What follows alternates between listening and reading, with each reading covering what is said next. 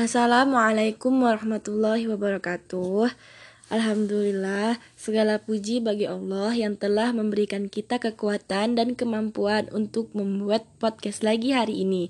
Semoga bermanfaat bagi banyak orang dan menjadi amal soleh buat kita semua. Salam dan salawat kepada kekasih kita, panutan kita, Nabi kita Rasulullah Shallallahu Alaihi Wasallam yang berkat keberadaan beliau kita saat ini dinaungi oleh cahaya keimanan.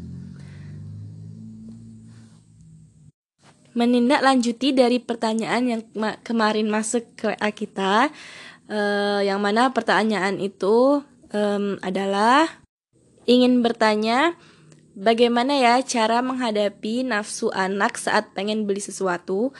Kan suka tuh anak-anak kayak kepengen dibeli semua kalau nggak dibeliin nangis. Tapi kalau dibeliin terus belum tentu keadaan finan tapi kalau dibeliin belum tentu keadaan finansial kita itu mendukung menanggapi pertanyaan ini bagaimana Ma?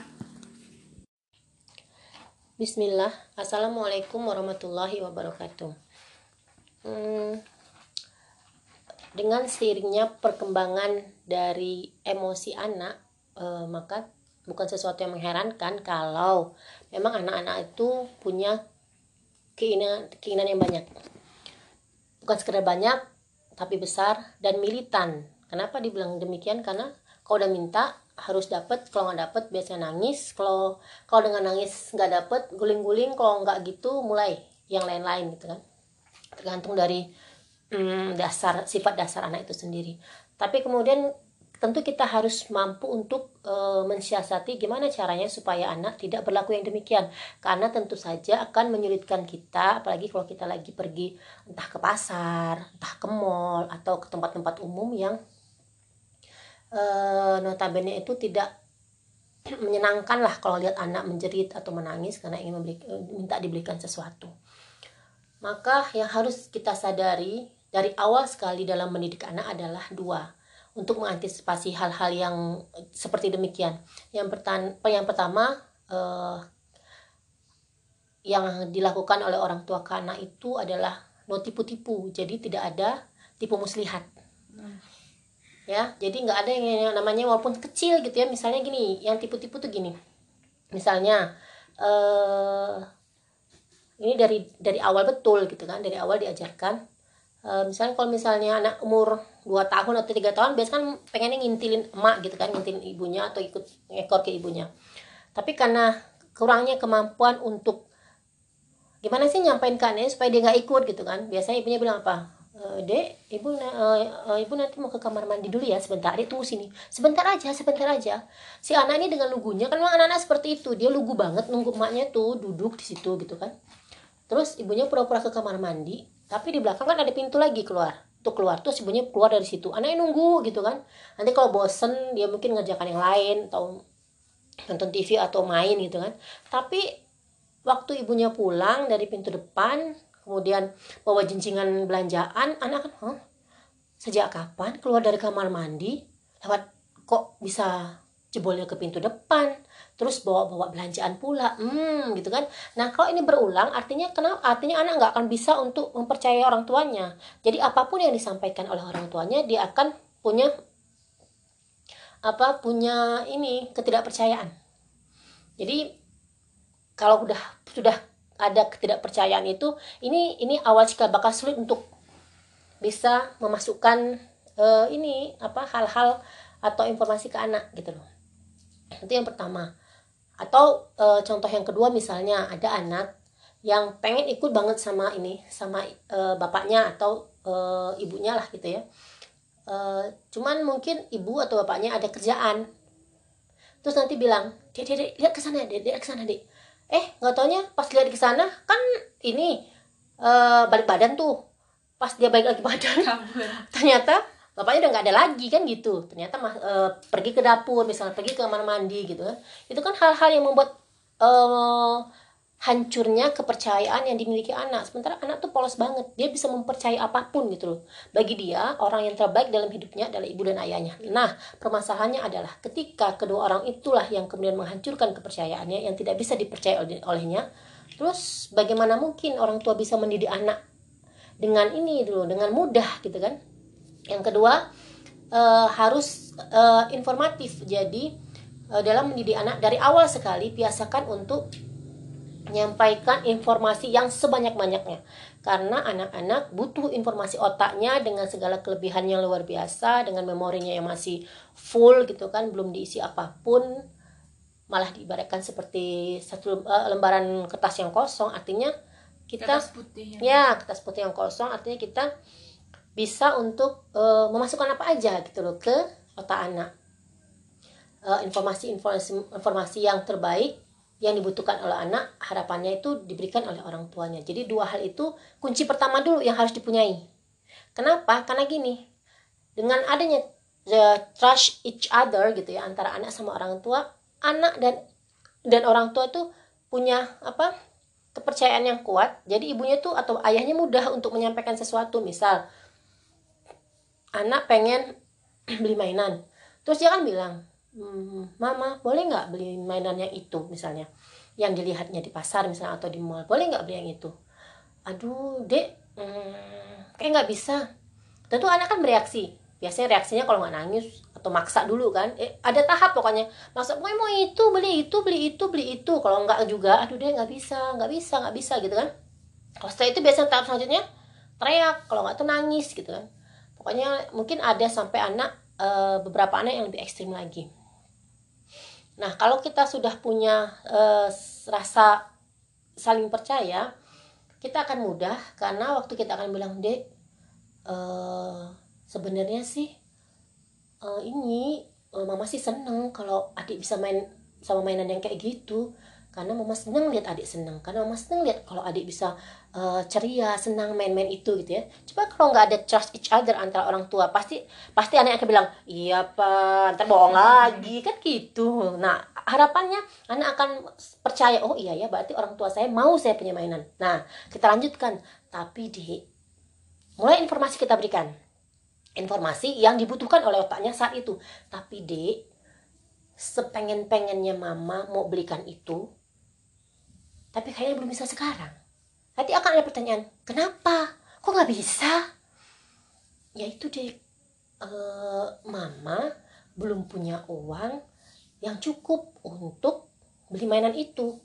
Nah permasalahan lagi kadangkala anak-anak itu kan biasa tuh misalnya dompet ibunya pas waktu belanja dilihat eh kemarin perasaan uh, duit dompet ibu ada deh. Kalau misalnya anak yang uh, lebih cenderung pendiam atau dia cenderung tidak ini frontal dia akan diam aja. Atau dia akan ini rewel nangis nangis gitu. Tapi anak yang frontal uh, uh, dia akan tanya. Uh, dia bilang kemarin tuh di dompet mama masih banyak tuh duit katanya kan gitu. Nah kemudian ya kita ini kita sampaikan memang dek di dompet uh, Mama memang ada uang, tapi dek uang mama itu sudah direncanakan dari bulan kemarin untuk beli keperluan kita untuk bulan ini. Nah sekarang kan adik baru bilang, bukan bulan kemarin bilangnya. Jadi kita e, memungkinkan untuk beli atau tidaknya tidak bisa diputuskan sekarang, karena itu uang sudah untuk ini sudah untuk e, belanja. Itu nanti ada untuk beli list, e, beli token listrik, buat beli pulsa buat be, oh, kita beli beras buat bayar sekolah kakak. Pokoknya sebutkan semua yang memang ada kebutuhan di dalam uang itu. Nah jadi sisanya nggak ada dek. Kemungkinan nggak ada untuk bisa cukup untuk beli mainan adik itu. Lagian yang adik minta itu mainannya itu mahal dek. Tiga jutaan. Ya mana ada uang? Kan gitu. Ya kan? ya karena anak-anak tuh mbak nggak tahu, dia tidak tahu nominal uang. Taunya dia, padahal uang seribuan-seribuan itu kata dia banyak, ada 10 lembar seribuan, kata dia bisa beli mainan mobilan yang harganya 3 juta. Karena dia belum paham tentang nominal. Nah, kalau kita bilang itu harganya 3 juta, mahal. Artinya sudah kita masukkan informasi kotanya, oh bahwa mainan yang seperti itu bentuknya, itu mahal, harganya 3 juta. 3 juta itu mahal. Kemudian sampaikan, ayo uh, sekarang berarti kita doa dulu deh. Uangnya itu banyak banget kok dikumpulin. Kita doa dulu ayo minta sama Allah. Nah aja anak untuk minta ke Allah. Ya Allah. Hmm, bimbing dia untuk ini untuk uh, untuk doa. Nah, ajarkan angkat tangannya. Ayo kita ngomong sama Allah. Ya Allah adik pengen banget sama mobilan itu ya Allah. Tolonglah ya Allah kasihlah buat adik hmm, apa mobilan itu. Kasih abis atau umi atau mama sama ayah uang untuk bisa beli mainan mainan itu ya Allah. Amin gitu kan. Nah setelah itu kita ini kan lagi apa kita kita sampaikan ke dia gitu loh. Tawaran yang lain. Nah di kalau misalnya kita beli ini gimana misalnya kan? Uh, jadi ada pelipur, pelipur hatinya tuh yang sedih tuh ada. Entah itu dibeliin. Oh iya, tadi ini loh, uh, mama punya ini loh, uh, punya es krim. Tadi kita buat es krim ada di kulkas. Yuk kita makan es krim aja yuk. Jadi kasih pelipur hatinya yang kepengen mainan tadi gitu loh mbak. Supaya dia tidak terlalu sedih gitu kan. Nah permasalahannya lagi mbak Coba tanya, apa mah gitu loh. Apa mah? Iya, permasalahannya lagi adalah kadangkala anak-anak itu militannya ada di tengah pasar. Di tengah pasar, di tengah mall. Itu kan kalau di rumah kan enak. Mau nangis, ya paling tetangga yang denger. Tapi kalau di tengah mall gitu ada anak nangis minta mau itu, mau itu, mau itu terus gimana gitu kan. Nah, itu tadi kita harus punya uh, ini uh, kebiasaan kalau setiap uh, kita mau pergi keluar dan harus mengajak dia misalnya mau ke mall atau ke mana dan memang dia harus ikut serta keluar janjiin dulu cerita info nah informatif lagi dek. Kita mau ke mall. Eh re katanya gitu oke dek. Tapi kali ini karena uang oh, mama sama papa itu terbatas kita ke mall tuh cuma untuk beli baju kamu sekolah misalnya atau tas kamu yang ini atau apalah memang yang keperluan mau keluar itu sampaikan. Nah jadi tidak ada kita punya uang lebih yang bisa dibawa untuk membeli mainan apa pun nah dengar dulu. Tidak ada permintaan beli-beli mainan atau beli yang lain lah selain yang mama sebutkan tadi.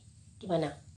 Karena kalaupun ada sisa nanti kita pulang dari beli-beli ini itu tuh ada sisa uangnya di dompet mama itu untuk persiapan kalau ada keperluan lain.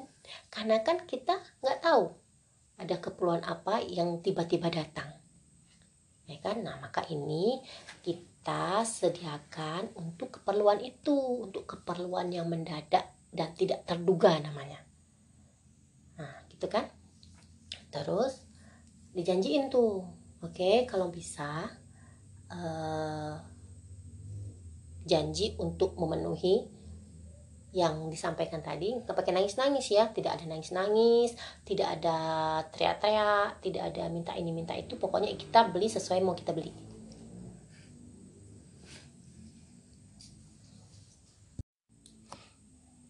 setelah itu tanya nah tuh kan uh, bisa untuk uh, pegang janjinya selama nanti kita pergi. Nanti katanya bisa oke okay ya. Tapi kalau ternyata nanti di sana tidak bisa menempati janjinya artinya nanti lain kali adik nggak usah ikut ke mana-mana lagi. Nggak usah. Kalau mama ke mall berarti nggak usah ikut. Kalau mau ke pasar nggak usah ikut lagi. Kenapa? Karena nanti di mall banyak dilihat walaupun adik nangis-nangis jerit-jerit orang uangnya tidak ada yang bisa disediakan untuk beli tetap aja nggak kebeli. Terus kalau misalnya di pasar teriak-teriak tengah-tengah orang kan kita ini mengganggu kenyamanan orang lain. Daripada mengganggu kenyamanan orang lain eh, mending di rumah diam aja di rumah. Betul nggak? Ya kan?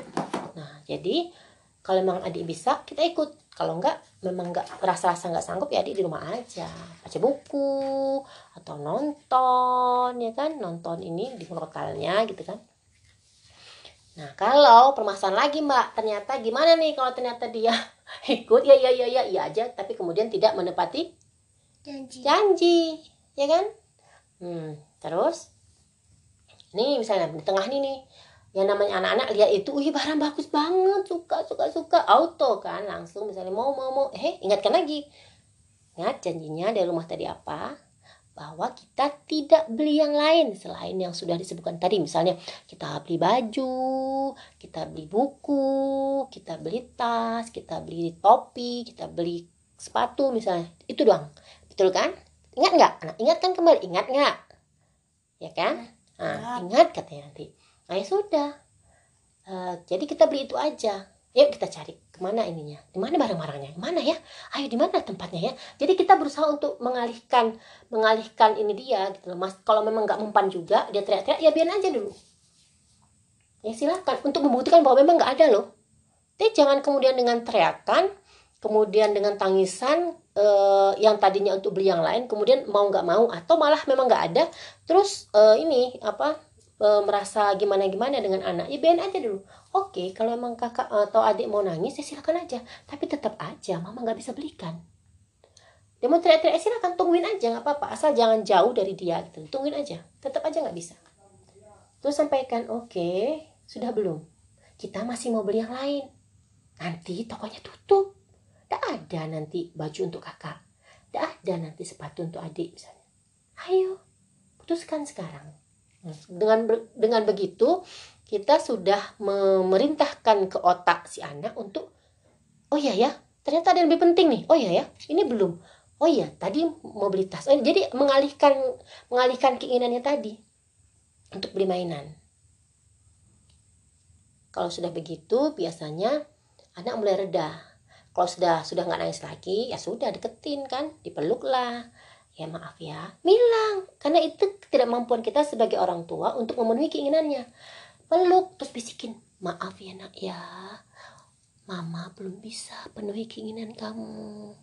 Makasih ya sudah mau menepati janjinya sudah mau untuk dibilangin. Ayo. Kalau nggak dipeluk gimana? Kalau nggak dipeluk biasanya gimana sih saya kalau nggak dipeluk gimana? Kalau saya habis uh, pengen sesuatu terus ternyata nggak dibelikan. Terus dipeluk gimana? Iya. Rasanya gimana kalau nggak dipeluk? Hmm? lagi-lagi memang ini butuh proses karena eh, anak-anak uh, itu selalu belajar. Dari mana dia belajar? Anak-anak itu belajar dari kebiasaan. Bagaimana kebiasaan ayah akan dilihatnya. Bagaimana kebiasaan ibu akan dilihatnya. Jadi kebiasaan-kebiasaan yang orang-orang yang ada sekitarnya itu dibacanya. Oh, kalau kalau sama ibu misalnya, nggak boleh gini. Oh, sama ayah boleh. Nah, pergi dia ke ayah.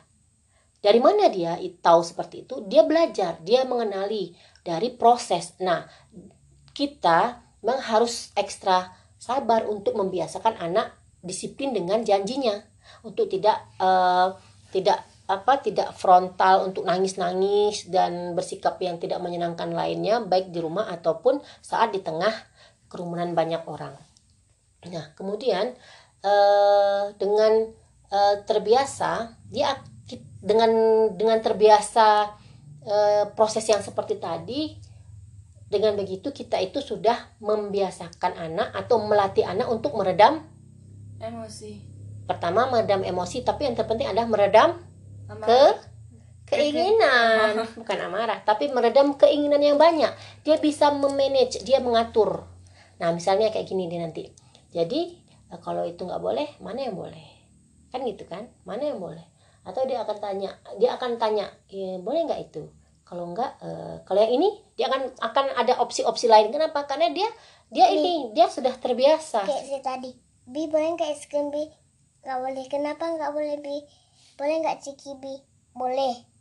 Kan ada ada ada apa ada negosiasi ya enggak nah, namanya negosiasi itu saya negosiasi itu adalah ini uh, kayak apa ya uh, lebih ke percakapan untuk kita bisa mana nih yang bisa ya mana mana sih yang boleh mana sih yang enggak gitu kan?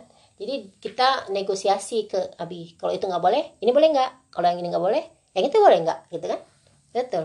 Akhirnya saya beli apa tadi? Dapat. Nah ya iya itu. Jadi tidak perlu untuk nangis nangis kan?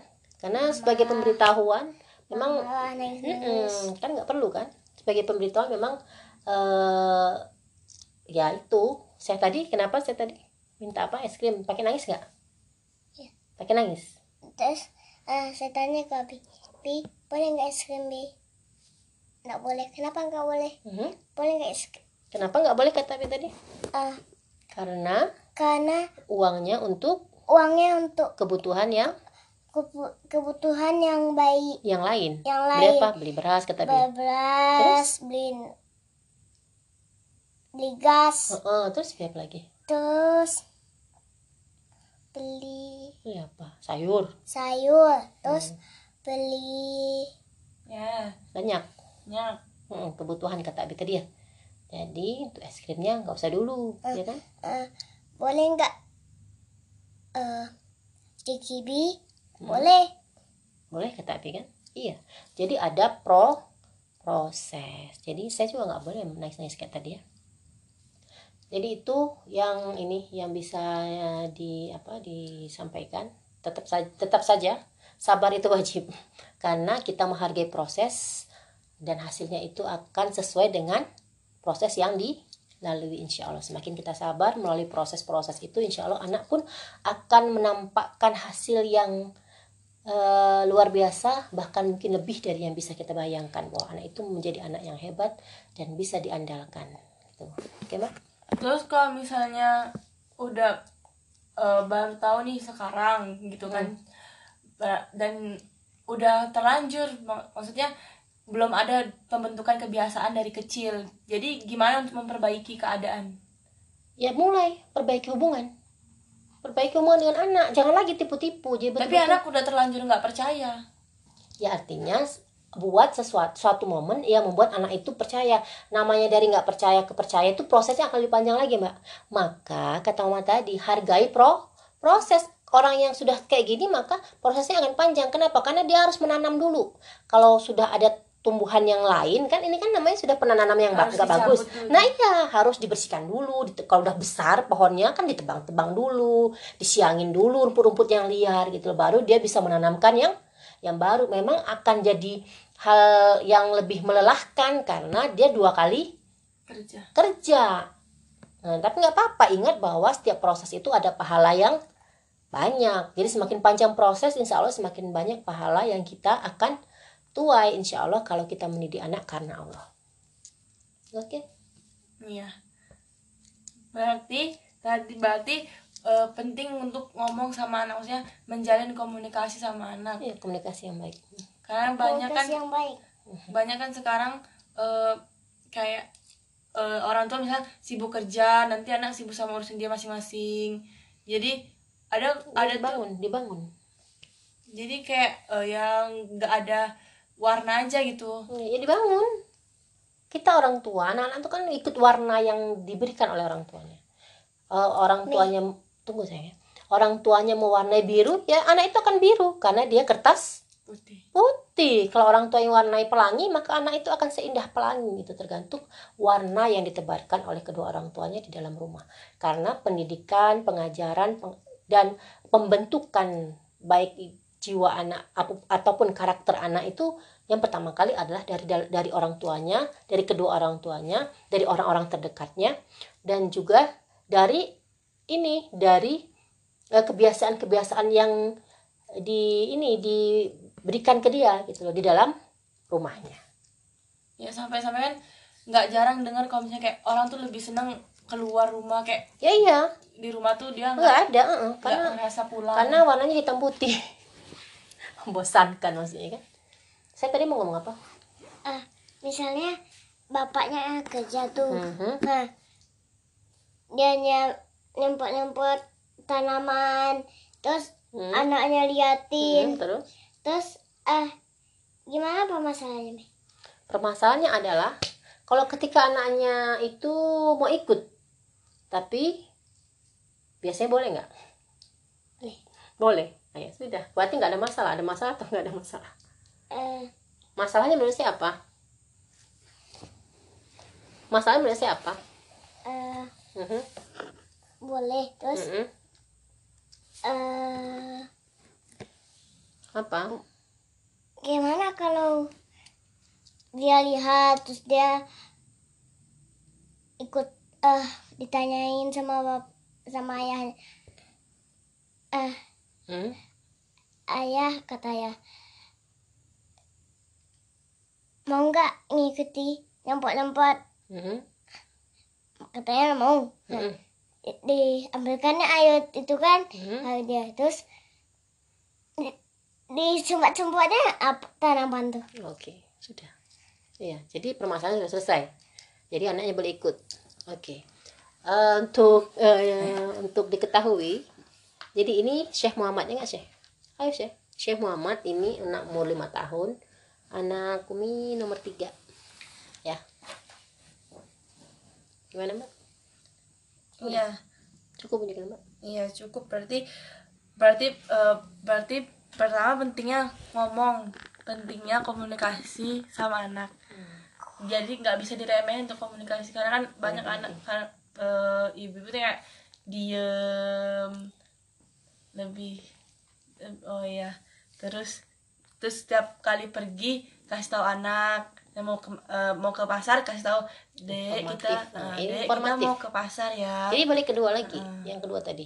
No tipu-tipu artinya jujur, ya kan? Itu yang pondasi awal banget dan yang kedua informatif. Dan dan ini rutin bukan da, bukan Harus, satu, bukan eh, cuma ini kayak aja. udah Emang sudah pondasi, ya. iya, Jadi pondasi. setiap kali pergi Heeh. harus setiap kali pergi harus kasih tahu dulu terus sebelum pergi buat janji buat janji Iya, untuk rules. ya, Jadi apa yang boleh dikerjakan, apa yang tidak boleh dikerjakan selama saya ikut pergi misalnya. Itu harus jelas karena anak-anak eh, nggak tahu batasan. Tapi kitalah orang dewasa yang memberikan batasan itu. Ini kamu boleh, ini kamu nggak boleh. Memang awal akan ada kesulitan karena anak-anak itu biasa ini biasa untuk jadi dirinya sendiri yang semua gue karena dia tidak kenal aturan. Nah untuk mengenalkan aturan tentu butuh butuh latihan berkali-kali mm, tapi kuncinya harus kon konsisten. Konsisten. Jadi jangan sebentar boleh sebentar enggak gitu. Istiqomah. Nah istiqomah. Ya ter- ter- ya jelaskan keperluan pergi supaya dianya terkontrol di luar.